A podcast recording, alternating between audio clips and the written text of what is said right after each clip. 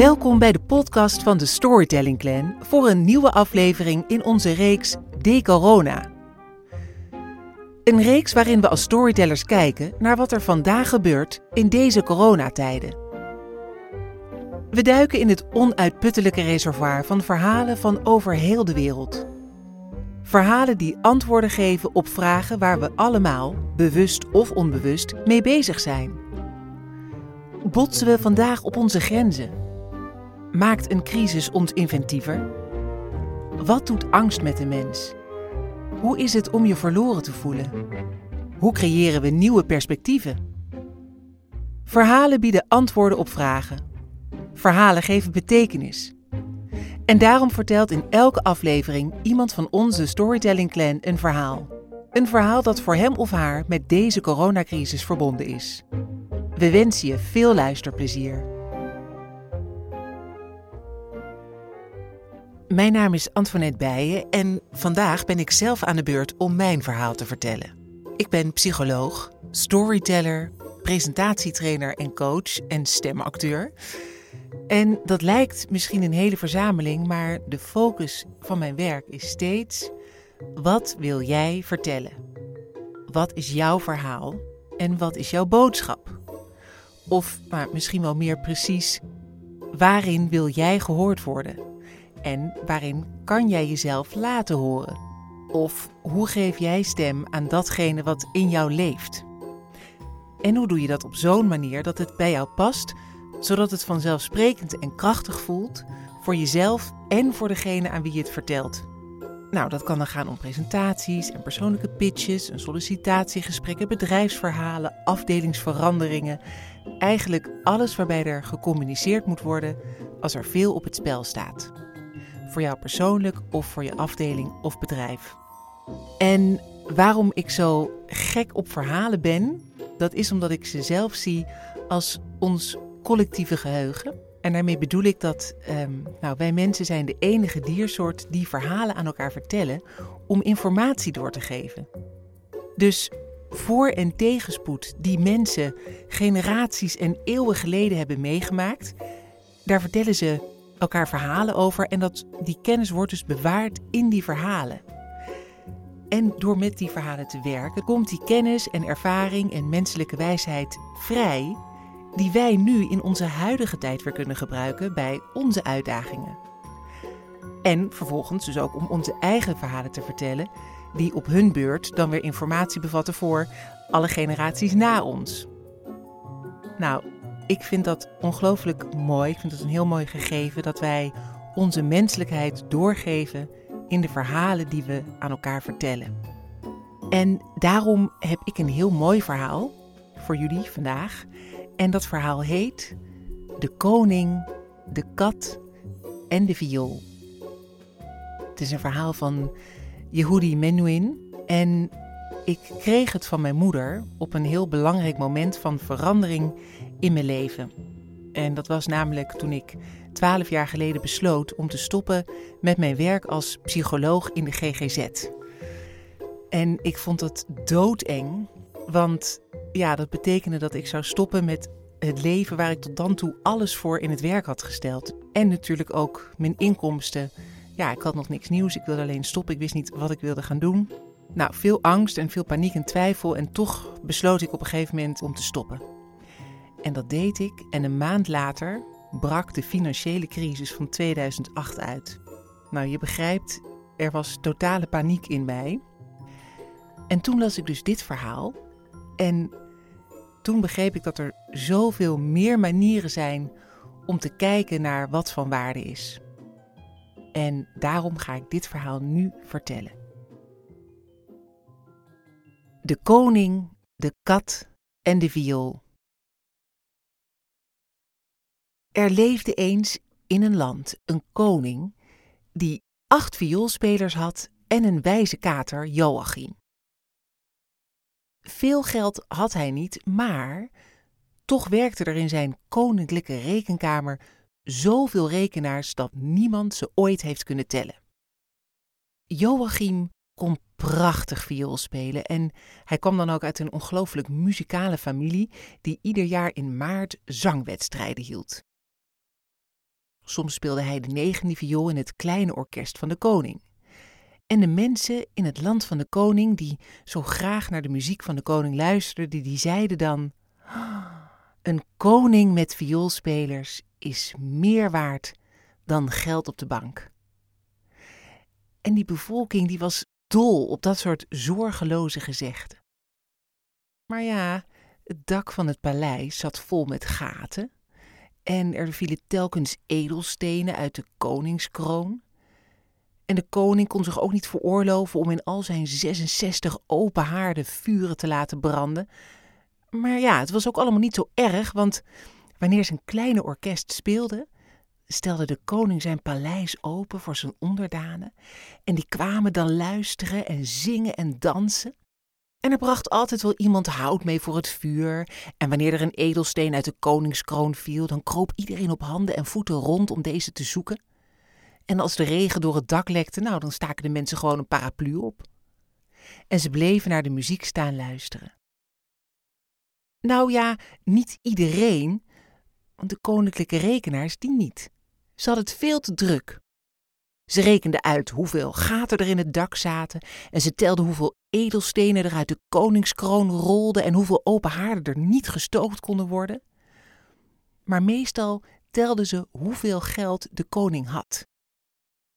En iedere keer als ze dat uitrekenden, had hij weer minder.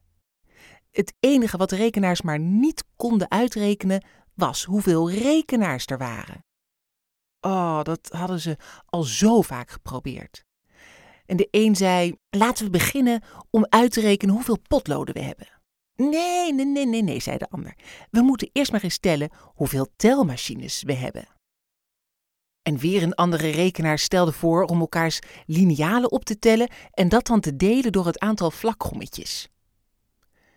Ten slotte nam de koning het besluit om zelf uit te rekenen hoeveel rekenaars hij had. Grote koninklijke rekensom vond plaats in de balzaal. De koning en Joachim gingen op de troon zitten. En de acht koninklijke vioolspelers speelden militaire marsmuziek toen de rekenaars in rijen de balzaal binnenkwamen.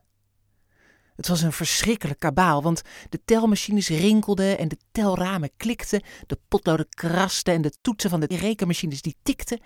En het strijkorkest van de koning was haast niet meer te horen door al dat lawaai dat die rekenende rekenaars maakten. Maar wat nog veel erger was, de koninklijke rekensom kwam ook niet uit. De koning schreef alles keurig op, onthield wat onthouden moest worden en zette komma's op de juiste plekken, maar toch kreeg hij iedere keer weer een ander antwoord. Eerst had hij 59 rekenaars, toen werden het er 72 en daarna ineens 98. En al die tijd druppelde er door een nieuw gat in het dak ijskoud regenwater in de hals van de koning. Waarom kan ik nou niet uitrekenen hoeveel rekenaars ik heb? jammerde de koning. Dat komt, sire, fluisterde Joachim in het koninklijk oor, omdat er steeds maar nieuwe bijkomen. De koning wist niet meer hoe hij het had. Hij rilde van de kou, want er brandde geen vuur in de balzaal. Maar waarom heb ik zoveel rekenaars? Joachim streek zijn snorren glad. Om de geldzaken voor u te regelen. Maar ik heb haast geen geld. Ik begrijp het ook niet, sire, hoe het komt, antwoordde Joachim. Maar hoe minder geld u hebt, hoe meer rekenaars u nodig schijnt te hebben om voor u te rekenen hoe zuinig u moet zijn met dat kleine beetje geld. En toen hij het woordje zuinig hoorde, stapte de opperrekenaar naar voren met een diepe buiging en een akelig slim lachje. Geeft u mij op één vraag antwoord, sire. Wat doen uw muzikanten op het ogenblik? Nou, de koning die keek naar zijn kleine strijkorkest en zei: Viool spelen natuurlijk. Precies, zei de opperrekenaar. Dat is de narigheid met vioolspelers. Als ze werken, zijn ze eigenlijk alleen maar aan het spelen en ze strijken het geld op. U moet ze het gat van de deur wijzen, dan kunnen wij het gat in uw begroting dichten. Alleen dan zult u genoeg geld overhouden om het dak te laten maken, uw kroon te repareren en in al uw 66 haarden een vuur te laten branden. De koning was totaal ondaan. Zijn vioolspelers wegsturen? Waarom? Bij een koning hoorden vioolspelers. Lodewijk XIV van Frankrijk had er wel 24. En toen hertog Jan van Brabant na 700 jaar terugkwam, had hij zelfs drie vedelaars bij zich. Maar de koning had het koud. En een natte, kille koning is makkelijk over te halen. Ik zal het met mijn kater moeten bespreken, zei hij. Joachim keek met zijn fonkelende groene ogen naar de koning op en hij antwoordde met de woorden van een gezegde dat bij zijn landgenoten zo geliefd was. Beter een koude haard dan een koning zonder vioolspelers. Ik heb genoeg van gezegden, zei de koning narrig. En ik heb ook genoeg van lekkende daken en koude haarden. Hoe langer ik erover nadenk, hoe meer ik ga vinden dat de opperrekenaar gelijk heeft. Oh, drommels! riep hij uit, want op dat moment viel er een grote robijn uit zijn kroon en die rolde onder zijn troon. En dat was te veel voor de koning. En terwijl hij op handen en knieën naar de edelsteen onder zijn troon grabbelde, gaf de koning het bevel: Stuur de vioolspelers weg! Alle rekenaars juichten en wapperden met hun sommen, en niemand zag hoe Joachim als een snelle, glanzend gladde schaduw wegglipte. In het begin leek het echt of alles wat de opperrekenaar beloofd had nog uitkwam ook. Want met het geld dat hij bespaarde, liet de koning zijn dak maken. En hij kon het hout voor al zijn 66 haarden betalen en zijn glinsterende edelstenen opnieuw in zijn kroon laten zetten. En hij voelde zich bijzonder tevreden over zichzelf. Joachim was nergens te bekennen. De koning zocht naar hem op alle plekjes waar hij zo graag zat: in de koninklijke linnenkast, op de muur van de boomgaard en op zijn vaste plekje in de granaatappelboom. Maar Joachim was spoorloos verdwenen. En er heerste een hele naargeestige sfeer in het koninkrijk zonder muziek. Het land ging snel achteruit. Het volk raakte erg ontstemd en al gauw was de ene wanklank na de andere te horen. En als de mensen bij elkaar zaten, dan bedachten ze hele droevige gezegden, zoals bijvoorbeeld: een koninkrijk zonder muziek is als een bijenkorf zonder honing. En er kwam ook niemand meer bij de koning op bezoek. Ook al zeiden de rekenaars dat hij iedereen kon uitnodigen om te komen luisteren naar hun rekenwerk. Maar nee.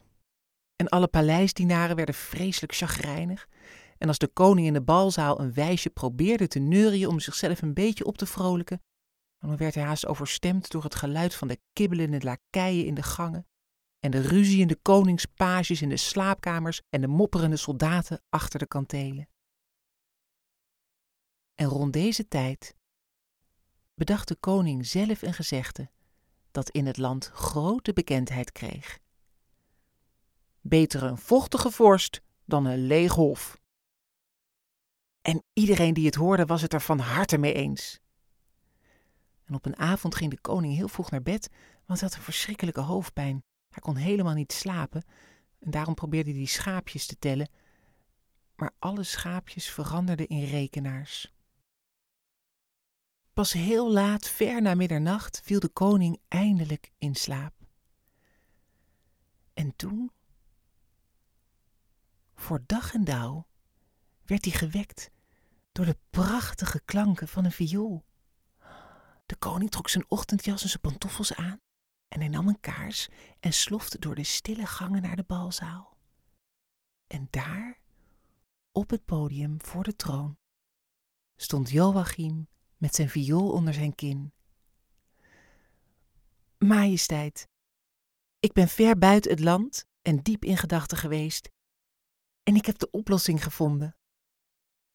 En om dat te vieren speelde hij de horlepiep en de koning danste de hele balzaal door. Als u uw volk weer muziek wilt geven, zei Joachim toen de koning even ophield met dansen. Ja, riep de koning uit volle borst. Als u wilt dat er in uw paleis weer gezongen en gedanst wordt, als u uw muziek voorgoed wilt beschermen tegen uw rekenaars, ja, riep de koning nog harder, dan, majesteit, zei Joachim, moet u leren om die muziek zelf te maken. Maar, maar dat kan ik niet, jammerde de koning. Oh, dat kunt u best. Ik, Joachim, zal het u leren. En verder moet u een wet afkondigen dat van nu af aan alle koninklijke rekenaars ook een instrument moeten leren bespelen. Joachim klopte de koning op zijn knie. Een goede vioolspeler, zei hij, is als een goed gezin. Iedereen heeft wat in te brengen. Alles wat bij hem hoort, heeft iets te vertellen. Hoofd en hart, hals en knieën, voeten en vingers. En alles werkt samen in goede harmonie. Samen? vroeg de koning nog wat ongelovig. Ja, met elkaar samen, antwoordde Joachim, om muziek tot leven te brengen. Joachim's speciale oefening om viool te leren spelen, nou, die begon op de grond. Om te ontspannen deden ze eerst de molenwieken en daarna kwam de diepe ademhaling voor de ballon. Dan kwam de kopstand en pas toen begonnen ze aan het aanleggen van de viool, het strijken met de stok, het oefenen van de vingers, het spelen op één voet en de golfzwaai. In het begin maakte de koning heel veel fouten. Hij liet zijn viool bijvoorbeeld onder zijn kin zakken, zodat het net leek of hij zijn baard had laten staan. Of hij hield zijn strijkstok zo stijfjes vast dat Joachim het de bevroren spingreep noemde. En de mensen die langs het paleis kwamen, die hoorden geluiden van vechtende katten en huilende baby's. En ze hoorden het geluid van zijden lappen die stuk gescheurd werden en gillende keukenmeiden. En dat allemaal tegelijk. En de rekenaars waren slecht te spreken over de nieuwe wet van de koning. Ik tel liever op, zei er eentje. Nou, ik vind vermenigvuldigen leuker, zei de volgende. Nee, deelsommen met een staart, zei een derde. Pas toen Joachim had uitgelegd dat in de muziek het tellen heel belangrijk is, nou toen pas wilden ze het wel eens proberen. En ze deden het heel goed. Het was alleen een beetje vervelend dat ze het liefst de maat hardop meetelden. En als zo'n groot aantal rekenaars luid begint te tellen, dan wordt het moeilijk om de muziek nog te horen. En sommigen hadden zoveel plezier in het tellen dat ze helemaal vergaten om te spelen. Maar het lukte de koning steeds beter. En tenslotte kwam de grote dag dat Joachim verklaarde dat hij nu zover was, dat hij voor publiek kon optreden. Ik heb u weer muziek gebracht, zei hij. Nu moet u de mensen weer muziek gaan brengen. En zo kwam het dat de koning aan zijn tournee begon en Joachim ging met hem mee om alles te regelen. En langzaamaan begon het hele land weer te zingen en te dansen. En wat als een eenmansorkest was begonnen, werd al gauw groter. Want toen de slagersjongen vroeg of hij les kon krijgen, had de koning een duo. En toen de melkboer zei dat hij er ook wel zin in had, werd het een trio. En toen de commandant van het leger vroeg of hij ook mee mocht doen, vormden ze een kwartet. En alle arme violisten die door de koning waren weggestuurd, kwamen ook terug. En zo trokken ze rond, de koning en zijn muzikanten. Onder leiding van Joachims flitsende dirigeerstokje speelden ze in steden, in dorpen en in kerken, in fabrieken en op boerderijen, totdat er in het hele land geen mens meer was die niet de koning, zijn kat en zijn viool hadden gezien of gehoord. In het paleis maakten intussen vingers die nooit iets anders dan de toetsen van een rekenmachine hadden aangeslagen, nu kennis met de piano, de klarinet, de cello, de trompet en het slagwerk. En het duurde niet lang of het paleis had zijn eigen koninklijk filharmonisch orkest, dat helemaal uit rekenaars bestond.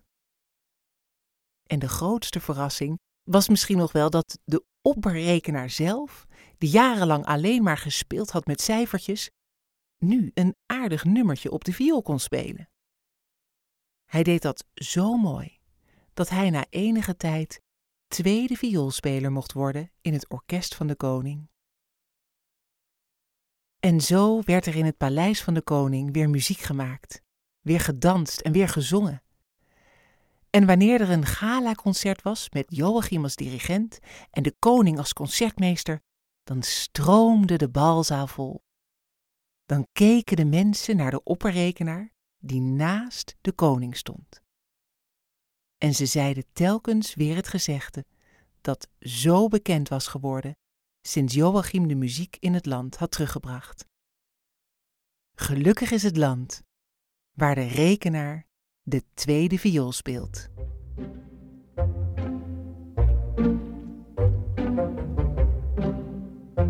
Tot zover deze aflevering van De Corona. Bedankt dat je luisterde. Blijf veilig, blijf gezond, blijf vertellen, blijf luisteren. Want volgende week is er weer een nieuwe aflevering van De Corona. Wil je meer weten over wat we doen als Storytelling Clan? Surf dan eens naar storytellingacademy.nl.